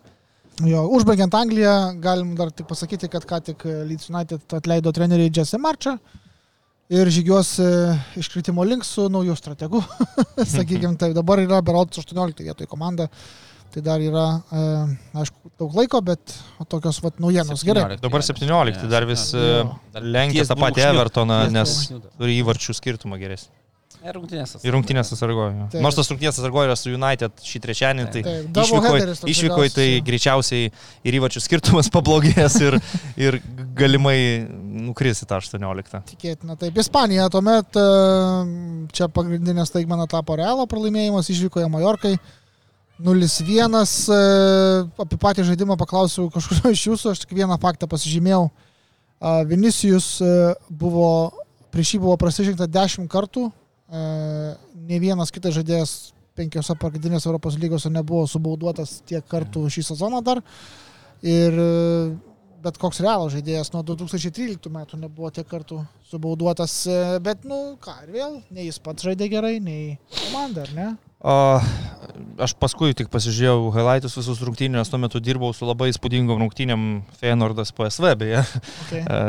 E, Ten buvo įspūdingas mūšis, bet e, dėl Madrido Realo ir dėl Vinicijaus mano gal tokia mintis būtų, kad ir, ir Ančeloti dabar jau apie tai pradėjo kalbėti, kad Vini Juniorą tiesiog psichologiškai terrorizuot pradėjo kitos komandos, jausdamas, kad galbūt jaunuolis lengvai išsinervina, Uh, aš atkreipsiu dėmesį, kad buvo prieš tai rungtynė su Valencija savaitės viduryje, kurias Realas laimėjo, kaip ir viskas tvarkingai, įmušė Sensijų, įmušė Vinicius, jie buvo geresni, bet tose rungtynėse tampė jie tą Vinicijų, rėkė jam į veidą, galiausiai baigęs tuo, kad Gabrielis užvažiavo, e, Vinicijus pašokęs orą jam kelio lygyje kirto per koją specialiai tyčia, pasimdamas raudoną kortelę, nu vos nesutraumavo to jaunuolio.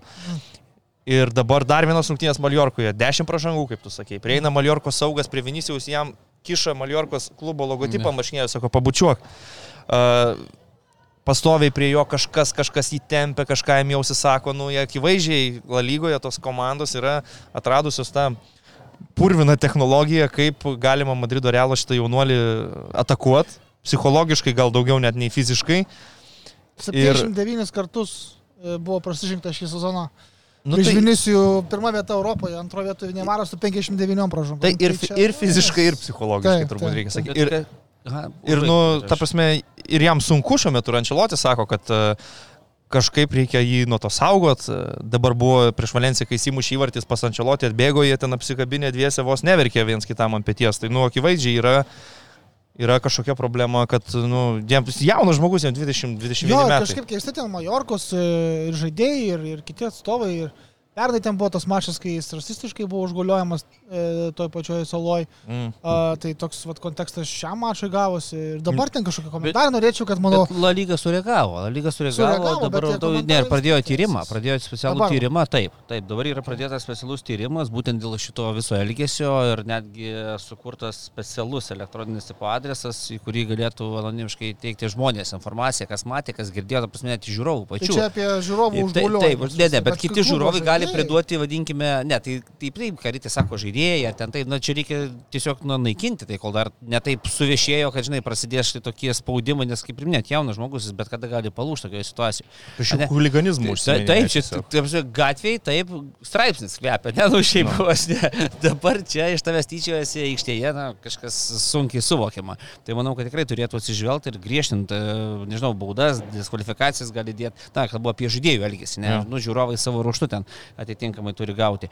Bet čia tikrai to neturi būti. Čia kažkas iš absurdo serijos. Tai at... Aišku, čia tik tai viena dalis rungtynių. Taip. Kita dalis ta, kad e, Maljorka šį sezoną, aš kiek ją mačiau, yra nu, labai kieta komanda, jie yra praleidę 18 įvarčių per 20 rungtynių.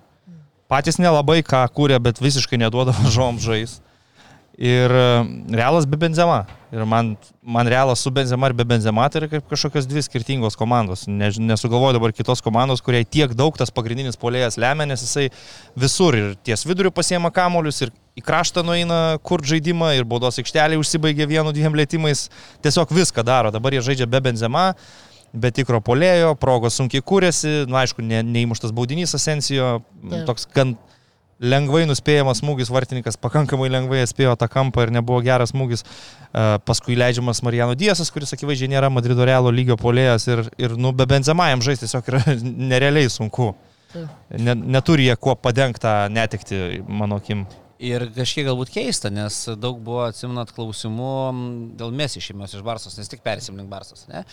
Ir kas perims tas funkcijas, kaip uh, taps kiti žaidėjai lyderiais, ar susitvarkys su tuo, ar perneš tą papildomą naštą ant savo pečių, tai čia kalbant apie benzimos atveju, na kol kas nėra to, ne, žaidėjų, vadinkim, funkcijų prieimimo, kas galėtų kompensuoti benzimą ten ar prastą žaidimą, ar jo nebuvimą aikštėje ir taip toliau. Taip kad Barcelona tarsi sprendė. Mes į klausimą, ar tai, ką įrodinėja jie ir savo žaidimu, ar ta turninė lentelė jau visai kitaip atrodo Barsos fanam, tai suprantama, kad na, kažkaip nenukentėjo. Taip tiesiogiai, skaudžiai, nesubirėjo ar nenukrito į duobę, e, be mes į Barsą. Nu, Realas turėjo irgi planą, kaip spręsti, bet Kilianas Mbappé Nu, netikėtai prasitėsi kontraktą su Paryžium.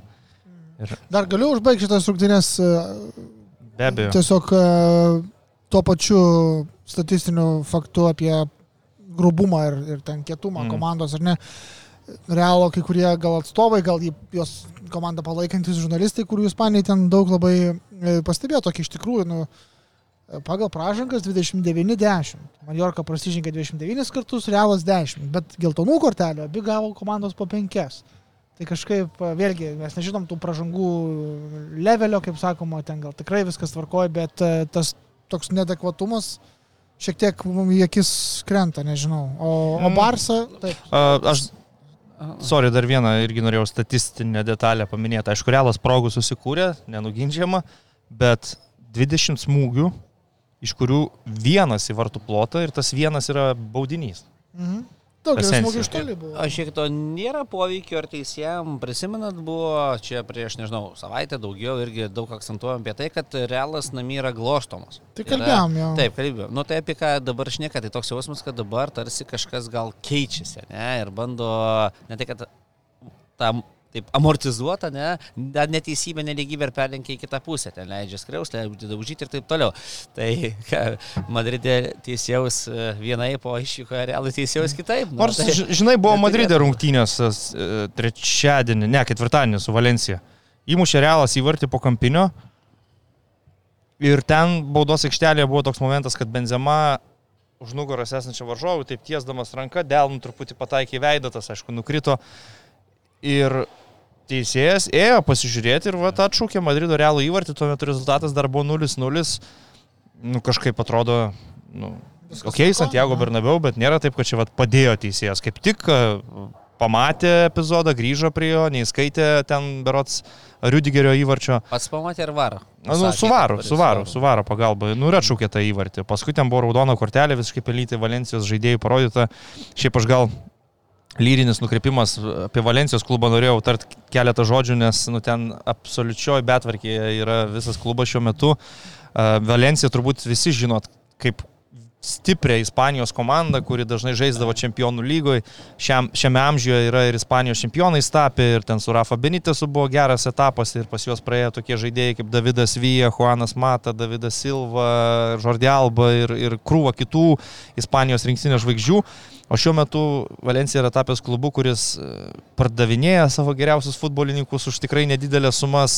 Baudo, e, turnyro lentelė iš, iš e, Europinės komandos tampa dėl išlikimo kovojančią komandą po truputį ir buvo tokia spaudos konferencija, kurioje žurnalistai tiesiogiai atakavo klubo savininką Peterį Limą klausimais, kodėl tu greuni Valenciją, koks tavo tikslas, kodėl tu neišeini iš čia, ar tu patenkintas to, ką matai, ir jie negavo ten jokių atsakymų, tiesiog kažkokie tai atstovai savininko, sakykime taip, komandos sėdėjo mirksėdami akim, neturėdami ką atsakyti, o pretekstas šiuo atveju toks, kad jie atleido Dženaro Gatuzo iš trenerio pareigų ir paskyrė treniruoti laikinuoju treneriu tokį voro.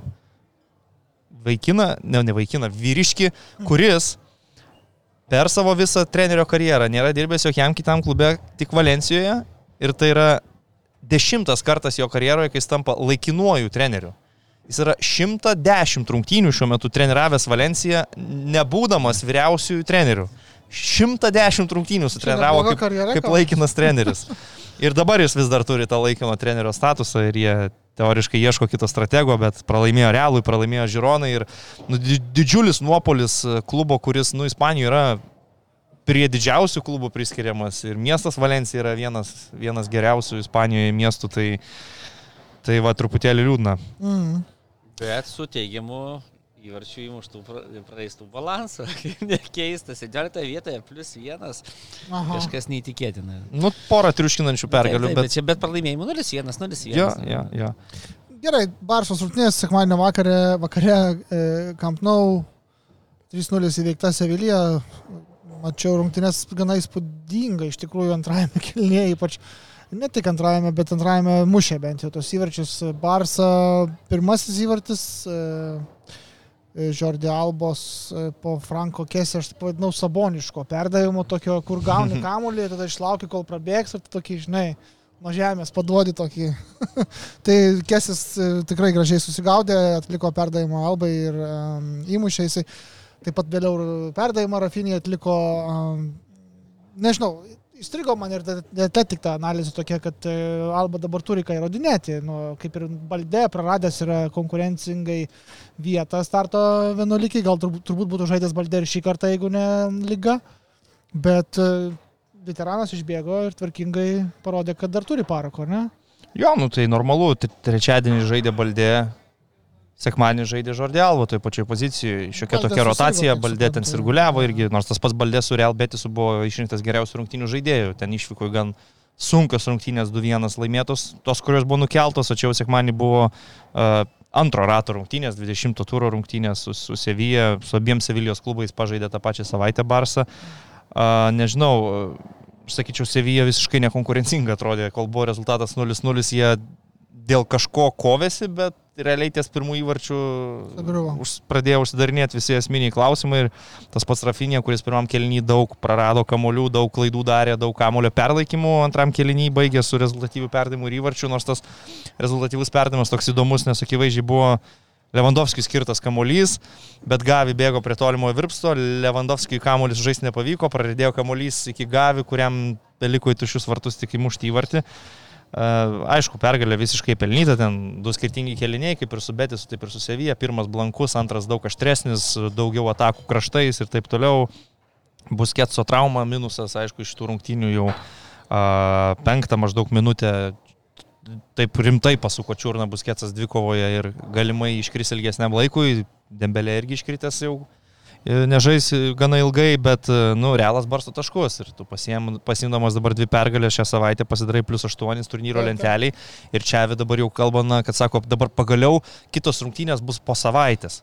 Nes tu įsivaizduoji, kad jie per 28 dienas sužaidė 9 rungtynės, iš kurių dar 2 buvo Saudo Arabijoje. Tai, tai aklimatizacijos, kas 3 dienas rungtynės, kelionės, žaidi, kažką bandai rotuoti, bet tie žaidėjai nu, persikrovė, kiti dar traumas gauna ir praėjo dabar tą etapą ir jau kažkiek atrodo toks palengvėjimas ir 8 taškai pliusas lentelėje. Tai aišku, nu, svarbi savaitė Barcelonai, kitaip ir nepasakysi. Ir Lewandowskis grįžo į rykiuotę po savo diskvalifikacijos, vienose įmušė, kitose ne, bet sakyčiau, prieš Seviją to sekmanį tai jokių klausimų nebuvo mm. dėl šitų rungtynių. Sevija, nu, nieko tiesiog nebuvo pajėgi susikurti per, visą mačą. Nors sudėtis tos Sevijos atrodo, statai prieš Barsą, Sevija. Du pasaulio čempionai, vienas dešiniam krašte, kitas kairiam. Vartininkas e, iš Maroko rinktinės e, žygiavęs iki pusfinalio ten pasaulio čempionate, bet e, turnyro lentelėje vaikinai yra 16. O Barsa pirmauja.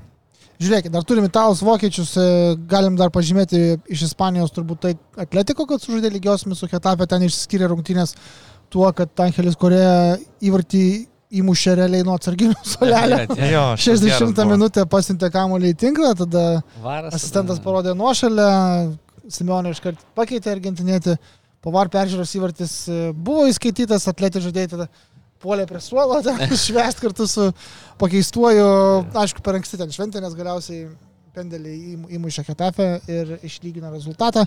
Dar paminėti tai galima, kad gana netikėtai ir Viljarelis pralaimėjo, ir Betisas pralaimėjo savaitgalį kalbų. Sociedadas. Trečias ir Sociedadas pralaimėjo Vajadolidui a, 0-1. Gerai, o dabar derbis dėl Modonino, Italija ir išvados po šių rungtynių, nežinau, e, Žydrūnai. Milanas gali praščiau atrodyti ar ne, kaip tu manai? Ne, dar antrą kelnį, kurį žiūrėjau, nu jau taip nevarykit, jau buvo prastesnių rungtynių keletas anksčiau, šis baisių.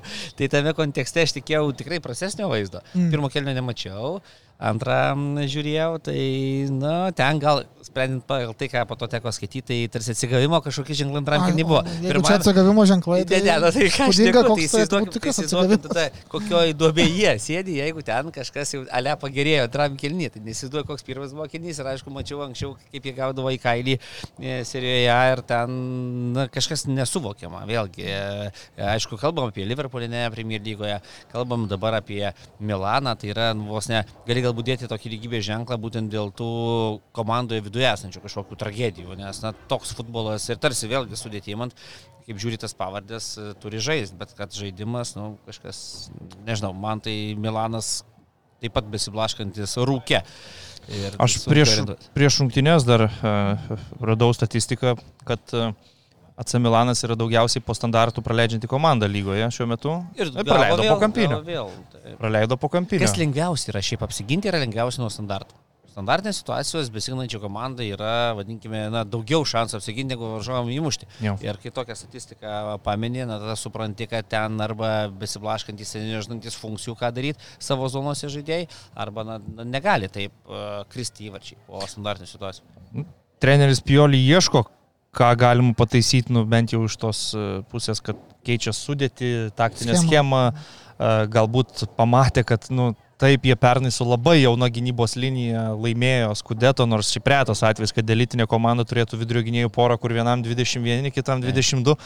Ir, ir dabar bando jau žaisti trim vidurio gynėjais, veteraną Simoną Kjarą įleidinėja gal kaip tokį vaikų darželio policininką, kad, kad kažkokios būtų brandos gynybos kad bet, nu, net ir su trim gynėjais rezultato ne, ne, nepasidaro. Nežinau, sunku sakyti, kas pas juos ten neveikia, mes kalbėjom ir praeitose laidose po tų jų e, fiasko pralaimėjimų, čia tai sakykime 0-1 prieš Interą, kuris nu, vis tiek yra solidus. Statistika 15-4 vartų plotą nei kart ne, nepataikė per rungtynės, tai vėl daug ką Taip. pasako. Ir čia negali net sakyti, kad ten išvyko žaidėjai, čia Ne, tas pats taip, stadionas, nesvarbu kad, nesvarbu, kad šį kartą tai buvo protokolė Interas namų komanda ir Interos ir gali. Rungtynės kitoje aikštės pusėje, žinai, nes įpratęs Šiaip blo blogai yra žiūrint į AC Milaną ir, ir esmė ta, blogai. Kad e, jie aišku titulo jau negina. Nu, čia visi supranta, kad ne, ne dėl to kaunasi, bet reikia patekti Čempionų lygą. Dabar yra įstrigusios tos darybos dėl Rafaelio Leo naujo kontrakto. Jisai dabar ant suolo paliekamas, kaip treneris sako, forma šiek tiek pakritus, bet iš kitos pusės gali pamastyti, kad jeigu žaidėjas ten jau prašosi išeiti, kontraktų neprastesinėja kažkokie gaisriukai, tai ant suolo nebūtinai jis dėl pakritusios formos lieka, kai prieš pasaulio čempionatą buvo ten serija mėnesio futbolininkų, beros du mėnesius iš eilės išrinktas. E, tai yra tų problemų, akivaizdžiai pas Milaną ir manau, kad jeigu jie neišeis į ketvirtą, tai nemažai žaidėjų gali eiti ant pardavimo, nes nu, Mm. Dabar šešti, lyg viskas apie lygoje. finansus. Viskas remiasi į finansus, o tos kitos komandos, kiek aš jas matau, nu, tiesiog solidžiau atrodo, ar tu paimsi Lacijo, ar Romą, okei, okay, Atalanta dabar slystelio, bet ten yra objektyvių priežasčių, pasidarė raudoną kortelę pirmo kelnio vidury, 10 prieš 11 svečiuose, nu, sudėtinga. Bet ir ta Atalanta iš esmės man smagiau atrodo už Milaną pastaruoju metu. E, Krūničius Milano atstovas buvo paklaustas, e, kas čia ne taip, ar čia taktika, ar čia kažkas kita. Ir pasakė taip, jisai, e, cituoju, nepasakyčiau, kad e, yra problemų su taktika, kodėl to pernai laimėjome naudodami tą pačią taktiką kaip ir šį sezoną. Kažkas pasikeitė e, psichologiškai, e, ne- nelabai suprantu, kas tai yra, negaliu rasti tinkamo paaiškinimo. Gali būti, kad kažkas tenais ir komandos viduje vyksta, ko mes net ir negalim žinoti, turbūt e, nebent yra išviešinama kažko, kažkurios nepatenkintos pusės, o ar tai bus dar paaiškės, ar ne, netrukus laukia ir Čempionų lygos, akistatas su Tottenhamu Milano, bijau prikarksėti, bet jeigu taip toliau, tai nelabai aš matau šansų Milano komandai, tiesą sakant, nes viena komanda kaip tik atrodo kažkiek atsitiesia, o kita, kita toliau toj dobėjai murkdosi. Lagazeto dėl sportai, tu minėjai taktinę schemą, tai tiesiai rėžia, kad uh, Piolio šitas sprendimas pakeisti formaciją iš 4-2-3-1 į- į 3-5-2 yra kaip tik e, bandymas bailiai gana reaguoti į krizę, e, ypač gynyboje, e, bet tai yra toks pasidavimas, ne, nenorėjimas kažkaip permušti, ar ne, su tuo žaidimu, kuris pernai buvo geras, tu kažką keiti dėl to, kad tu bijai jau tų virtinių įvarčių, kuriuos prasileidai Taip, nuo tai vidutinių lygio komandų. netgi. 0-4, nu, Atsio 2-5 nuo Sasulo, na, tai taip. aišku, turi galvoti ir daryti išvadas, nes pš, jeigu nesikliuoja taip žaidimas ir kai kas netlieka tų funkcijų, ką nori matyti treneris, tai nori, nenori, ieškai naujų taktinių schemų, įvedinėjai į kitas pozicijas žaidėjus ir nu, bandai krapštytis taip. Na, pralaimėjai 0-1, bet gal tai bus tam tikras atskaitos taškas ir su dabartinė taktinė schema kažką įspaus. Aišku, tas, nu, Kitas paieškų- etapas 0-0. po- Iš Nu, kitos pusės, žiūrėk, e, visi žino, kad Interas visada žaidžia 3-5-2. A, Visada pas juos yra aiškios užduotys žaidėjų, aiškus išsidėstymas. Ir gal neatsitiktinai būtent šitoms rungtynėms ir Pioli bandė atsakyti 3-5-2. Nu, būna taip, kad tu bandai tokiu veidrodiniu principu. Čia kaip Argentina pasaulio čempionate. Visą čempionatą žaidė keturiais gynėjais, bet prieš Olandus, kurie žaidžia irgi trim išstatė ir patys tris. Tai nu, čia pasvarstymui, gal neatsitiktinai būtent Milano derbėje jisai tą schemą išstatė, bet Faktas, kad a, nepadėjo, nepaėjo. greičiausiai čia problemos netaktinėse schemose. Turbūt, kai viskas gerai, tai eksperimentas su taktinė schema nepalaužtų komandos taip, kad jau žaidėjai visi pasimetę, nežino, ką daryti ir pralašinėja beviltiškai e, visas pozicijas. Tai šiuo atveju aš manau, kad irgi, kaip ir sakė turbūt Krūničius, kad yra psichologinių problemų, o tos psichologinės duobės dažniausiai su kiekvienu pralaimėjimu vis gilėja. Kaip kaž, kažkuris treneris neseniai yra sakęs, geriausiai visas žaizdas gydo pergalės. Tai Taip, taip, viena taip. kita pergalė ir tu galbūt atsigausi. Dabar jie žais su Torino namie ir prieš čempionų lygą, aš manau, jie dabar neturėtų galvoti apie Tottenhamą, dabar reikia mąstyti dar kaip tą Torino savaitgalį palaužti ir, ir kažkiek pasigerinti tą psichologinę Taip. Nu. Kručius taip ir pasakė, kad Rūbinėje mes šiek tiek esame nusiminę dėl visų šitų pralaimėjimų ir e, mano, kad pergalė viską pakeistų. Tai, tai žiūrėsim, kaip bus. Na, Galbūt. žiūrėsim. Aš vis noriu tos pergalės prieš to teikimą, na, kad Tai turi gal prieš Toriną laimė. Tai, Prieš Turino tegul, ne? Tai gal prieš Toriną laimė. jo, Ne, bet aš irgi nemanau, kad Tottenhamo Milanas praeis. Kažkaip. šiaip, ne- net ir jeigu ten tas- Visi traumos bet... išsigydė, žinai, tai kažkaip liktai. Bet ten tas europinis kontekstas vėl kitoks būna. Vėl kiti impulsai, kitas kažkaip nusiteikimas, nes abejo. na, eilė sezonų būna tos komandos, kurios čempionate merkia taškus pralaiminėja, po to kažkaip atgyja po savaitės kitos ir gauna tarsi iš kito čempionato top lygio tuo metu rungtyniaujančią komandą ir sugeba su ja tvarkytis. Taip kad tikrai nemanau, kad Nu, taip. Totinkiamas čia taip.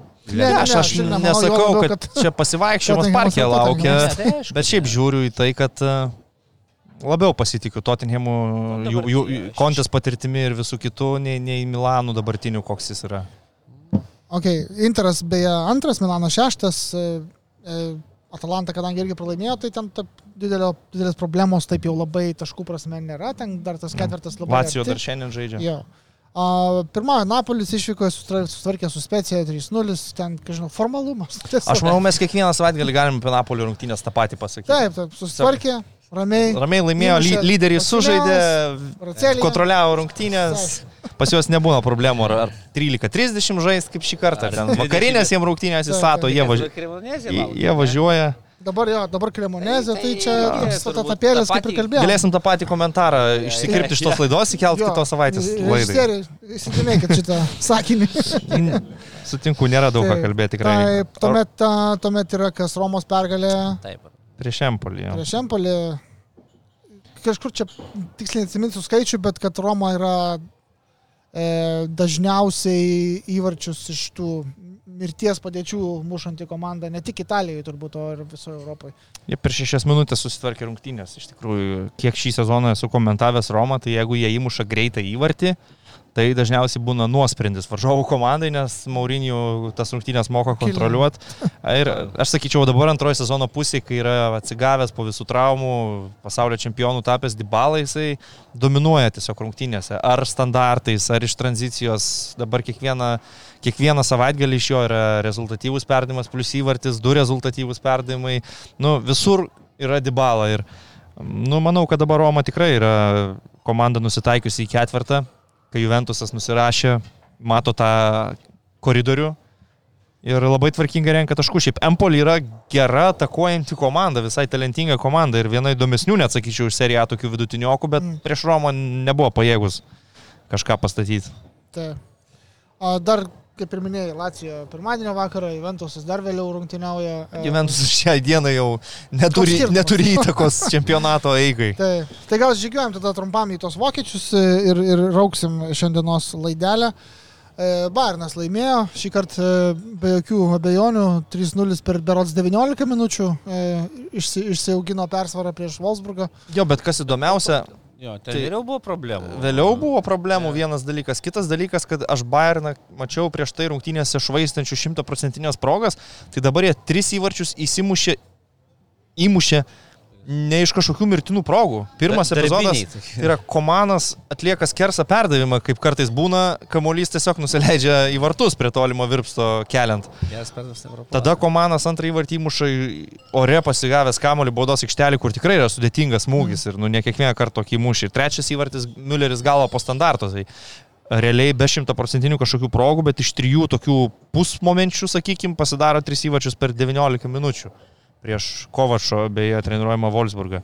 Bet paskui, nu, sakyčiau, kad komplikacijų buvo. Wolfsburgas rezultatą sušvelnino į rūbinę praktiškai, tada antras kelnys prasideda, kad Kimichas greitą ataką stabdydamas gauna antrą geltoną kortelę ir tai yra pirmas Kimicho karjero išvarimas iš aikštės, bet tai turbūt buvo profesionaliausias išėjimas iš aikštės, kokį aš esu matęs. Jis nugriovė Arnoldą greitoje atakoje. Pasietinė teisėjas, jis supranta, kad jeigu davė pražangą už greitos Jo. tako stabdymą duos ir geltoną, jam parodė antrą geltoną, jis nusisuko nuo teisėjo, porą keiksmažžių pasakė, bet tiesiog pradėjo eiti. Nu, aš beveik niekada nematau, kad žaidėjas taip lengvai susitaikytų su antra geltona kortelė ir be jokių ten papildomų diskusijų tiesiog išeitų. Profesionaliausias iš, išvarimas iš aikštės, kokį mačiau. Ir Wolfsburgas turėjo progą įmušti 2-3, nežinau kaip viskas dėliotųsi, bet tada jau reikia pasakyti, kad Džemalas Musiala kažką ten iš Maradonos ar, ar Mesi repertuaro išsitraukė. Visą Wolfsburgo komandą apsivarė ant Mhm. ties vidurio linija krašte, šonų, priimdamas kamolį, įsibėgėjo taip, kad slalomo principų kaip stovelius apsivarė visus Wolfsburgo saugus ir visus keturis gynėjus prisitraukęs baudos aikštelį užbaigė be jokių rikošėtų, be jokių kažkokių ten sėkmės epizodų. Tiesiog praėjo vienas vaikis pro visą komandą, taip, nu, kosminis įvartis. Na taip, man atrodo, kad bręsta 150 milijonų ir Chelsea. Ne, ne, nemanau, kad Bayernas yra tas klubas, kuris čia labai atidavinėtų. Ne, taip, taip, aš žinau, bet nu, Turbūt kai- tendencijas matome. Kai Muselą pasirinko ne Angliją, o Vokietiją atstovauti, manau, čia yra toks momentas, kuris rodo, kad jis vis tiek save sieja su to Bayernu, sieja su Vokietijos futbolu ir Nori nu, tapti Bayerno. e, manau, kad legenda. taip. Plus sakyčiau, kad, nu, žau, kancelų nuo pat pirmų Mhm. rungtynių pritampa Bayernė. Taip ir Duoda laimingas atrodo visai. Taurėje iš karto atsidarė rezultatyvių perdavimų, jie Mainzą nugalėjo 4-0 prieš Wolfsburgą, vėl rezultatyvus perdavimas. E, Komanui tas užkeltas kamuolys ir Portugalas puikiai pasiemo tą dešinį kraštą, kairėje turi Alfonso Deivisą. Ir čia galvoju, kad Manchester City tokią paslaugėlę Bayernui padarė iš esmės, kad ant nuomos tu gauni pusį sezono tokį futbolininką, kuris jau nuo pirmos dienos žaidžia startę, žaidžia gerai, o po vasarą turbūt, kad bandys jį ir išsipirkti, jeigu yra tas, tas punktas, man atrodo, buvo pas juos. yra? E, 20 kokie 7 šakie, sakyčiau, 28. Pačiame jėgų žydėjime. Treji, ketveri, tai tikrai mes. Pačiame jėgų žydėjime futbolininkas. Ir pas juos tas kraštas dešinys visą laiką būdavo kritikuojamas, nes Vokietijoje visi žurnalistai sako, kad Pavaras nu, nėra Bayerno lygio krašto gynėjas Taip. O Kancelo matom, kad puikiai įsilieja į tą kolektyvą ir svarbi pergalė, nes e, pastaruoju metu ten prisibarstę taškų buvo ir, ir tokios pergalės, aišku, reikėjo. Tiesą sakant, ten ir konkurentai e, laimėjo Dortmundas e, Freiburgą, pajėgų Freiburgą 5-1. Sutriuškino, aišku, čia raudona kortelė, tiksliau, dvi geltonos e, Silidilijos kortelės, 17 minutė jau buvo 10 šved svečiai ir tuomet jau, aišku, sudaužė. Ir Šloterperkas mušė ir Dejemi vėl mušė berots rekordinį greitį išvystęs. e, Buvo 36 kažkokia statistika ar 7 paskelbta. km per valandą.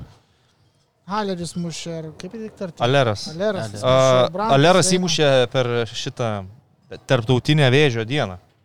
Tas- Tuo metu pasaulis minėjo tarptautinę vėžio dieną. šaunuolis, blema, blema, man tai patinka, kaip jisai su, su tokio iškeltą galvą toliau ten būtus išsipaišo, ten viską, muša įvarčius, kas ir Man tai yra tikrai neįtikėtina istorija. Toks žaidėjas nekris į psichologinę duobę dėl nesėkmių aikštėje rezultate, nes kai gauni iššūkį gyvenimo, ne, Mm. tokį rimtą ir po to tu supranti, kad čia mėgautis reikia tomis akimirkomis, žais ir kaifuot nuo to, ką darai aikštėje. Tai manau, kad e, tą ir darys jisai be jokio papildomo streso. Jo, čia neįtikėtina, šiaip įveikė vėžį, buvo, nežinau, ten 20-30 kg netekęs per visą tą laikotarpį kovodamas su lyga, grįžta, atsistato fiziškai, įeina atgal į startinę sudėtį, muša įvarčius, dalina rezultatyvius perdavimus, tai čia, tok, Čia- to, tokią valią reikia turėti. Na, sezono istorija, kurią turbūt reikia ir toliau sekti ir mėgautis. Tikrai visiškas kosmosas. Aišku, šiaip iš karjera. rungtynių pusės tai, nu, Vienas vienas. Freiburgo, buvo, jo, po pirmo kėlinio buvo vienas vienas, bet Freiburgo kortelė, manau, labai sudėliojo viską taip, kad nu, per lengva buvo Dortmundui rasti spragų ir tai visi žino, kad yra komanda, kurioje labai daug talento, labai daug kūrybingų žaidėjų, e, geriai du rezultatyvūs perdavimai ir visi tie kūrėjai saugai, tiek Reina, tiek Brantas šitose rungtynėse mėgavosi turėdami vienu žaidėju daugiau, tai desninga tiesiog pergalė. Nors Freiburgas nėra tokia komanda, prieš kurią dažnai 5-1 gali tikėtis, bet nu, taip, Jo. taip sutapo Jau šį kiek kartą. Brino Unijos laikysis ir šio. Jo, ir kiek, kiek, kiek įvarčių bus 88 plus Bandėm nurašinėti juos, bet kažkaip jie kaip nekrenta, taip nekrenta šiandien. Ne, nu, šį kartą ne 88 plus 84 minutė, vis tiek mačo pabaiga, 1-1, na, 2-1. Aš- Ne, 3-2. Kažkas Ir, ir laikosi ir žiūrėk, nu, kaip be būtų, sezonas yra persimetęs į antrąją pusę. Tai tai, būtent. Ir tu esi antras taškų atsilikdamas nuo Barno, vis tiek nelaimėsi to čempionato, aišku, bet čempionų lyga why not, ne? Čempionų lyga, nu čia būtų netikėtina istorija, jeigu jie patektų į, į čempionų lygą ir pasimtų tos, tos pinigus, nes Unionas į Bundeslygą atėjo kaip um, darbininkų klasės rytų Berlyno klubas, kuris nu, neturi pinigų ten pirkti brangius žaidėjus, turi kuklų stadioną. Uh, tuo metu Berlyno Hertha kaip tik ten deklaravo didelius tikslus, e, pradėjo leisti pinigus, dabar Hertha yra iškritimo zonoje, Unionas žaidžia Europos lygoje, taikosi į čempionų lygą ir, ir tiesiog generuoja pinigus ir kyla iš darbininkų klasės klubo dabar jau prie, prie elitinio. Bet tai gal tai ir taps problema, žinai, supuvęs kapitalizmas. Nežinau, šiaip aš nemačiau rungtynių su Mainzu, bet taurėje žaidė su Wolfsburgu, ten buvo žiauriai gražus epizodas, kai jie pirmavo 2-1, rungtynių pabaigo Wolfsburgas kelia kampinį, nusiveda ten jau ir vartininką visus į priekį, nesėkmingas kampinis, pabėga į greitą ataką Uniono žaidėjai ir Džeromas Trusiljonas su kamoliu prieš šius vartus nusprendė kažkodėl dar porą, porą lėtimų pasitaisyti tą kamolį. Tada spėja grįžti vartininkas ir jisai užsmugiuoja nepatogiai, pataiko į virpstą, neįmuša, neuždaro, bet rungtynės baigėsi, jie laimi 2-1, nueina pasidžiaugti su fanais. Ir kai baigia džiaugtis, komandos draugai atsiveda Rusiljoną, atsineša futbolo kamolį, paridena jam į identišką poziciją, kokia buvo prieš šius vartus, jisai tada įmuša ir tada jį nešioja visi ant rankų komandos draugai. Tai irgi turbūt rodo, kad vienybė dvasia toj komandai yra ir, ir tas turbūt ir lemia tos tokius rezultatus iškovotus. Taškus Ne, paskutinę minutėm ir panašiai.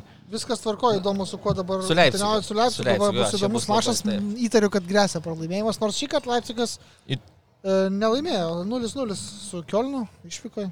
Įdomi beje bus ir Uniono e, Europos lygos kova, jie su Ajaxu žais, tai O. turėtų būti visai faina akistata Europos lygoj. Taip, kitą savaitę grįžta Europos e, taurių playoffai.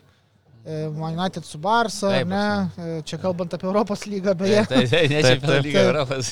Taip, a, čempionų lyga be abejo irgi per berots keturias savaitės išdėstė, ne per dvi savaitės, ne, per tris savaitės bendrame laikotarpį išdėstytas pirmasis aštuntfalio ratas Mhm. su visą savaitės. Jo, tarpu. tai leido Premier lygai nusikelt Arsenalą Taip, su Man taip. City vasario 15, kas šiaip yra Čempionų lygos e, Taip. kalendorinė diena, bet Arsenalas Kadangi laimėjo žais, Europos lygą ir prašoka tą pirmą etapą, nu jie grupę laimėjo. Taip. O City žais e, savo pirmas rungtynės su Leipzigu ten vasario 20 kaž, kažkuria diena ir, ir atsirado data. Laimingo Tai atsitiktinumo dėka. atveju būtų gegužė ar balandžio. Tai va, nesakau, žais. laimingo atsitiktinumo dėka Taip, atsirado taip. data, kada galima sužaisti tas rungtynės. Jo.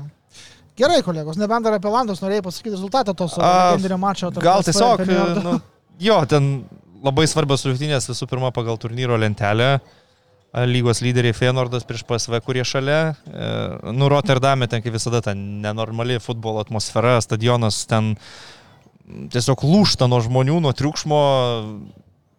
Jisai pagal lankomumą būtų berot šeštas Premier lygoje. Nu, ten tikrai daugiau žmonių ateina nei telpa į tą stadioną. Aš taip gal, taip gal pasakysiu. Ten vietomis kamera net dreba rungtynių metu nuo, nuo triukšmo ir nuo drebančių tribūnų. Jis vaikšto už kampo, įleidžia apsauga.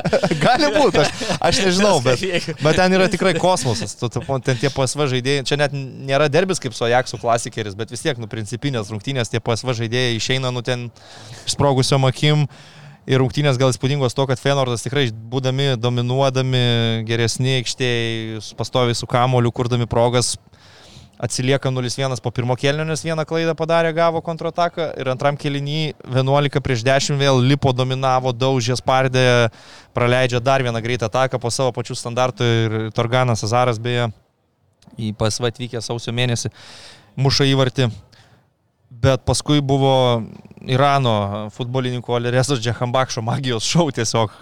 Jisai kalė įvartį galvą ir per teisėjo pridėtą laiką iš 25 metrų galingų smūgių nuo virpsto rezultatą išlygino ir tada jau tas ta dėkių parena tikrai atrodė, kad ten galimai reikės važiuoti tarnyboms e, spręsti reikalus, nes ten žmonės jie iš proto ir, nu šiaip iš emocinės pusės gavosi rungtynės kosminės, žinai, čia nėra top 5 lyga, nėra ten daug ten visokių elitinių gal žaidėjų, nors pavardžių žinomų nemažai, visokių Torganų, Azarų, Vananholtų ir, ir panašių žaidėjų, ten Lukas Dejongas, Čiavis Simonsas beje didelis talentas, jaunas, bet iš atmosferos tai tu žiūri tokias rungtynės įsitraukęs, net nebūdamas fiziškai ten ir šiurpas eina. Mm.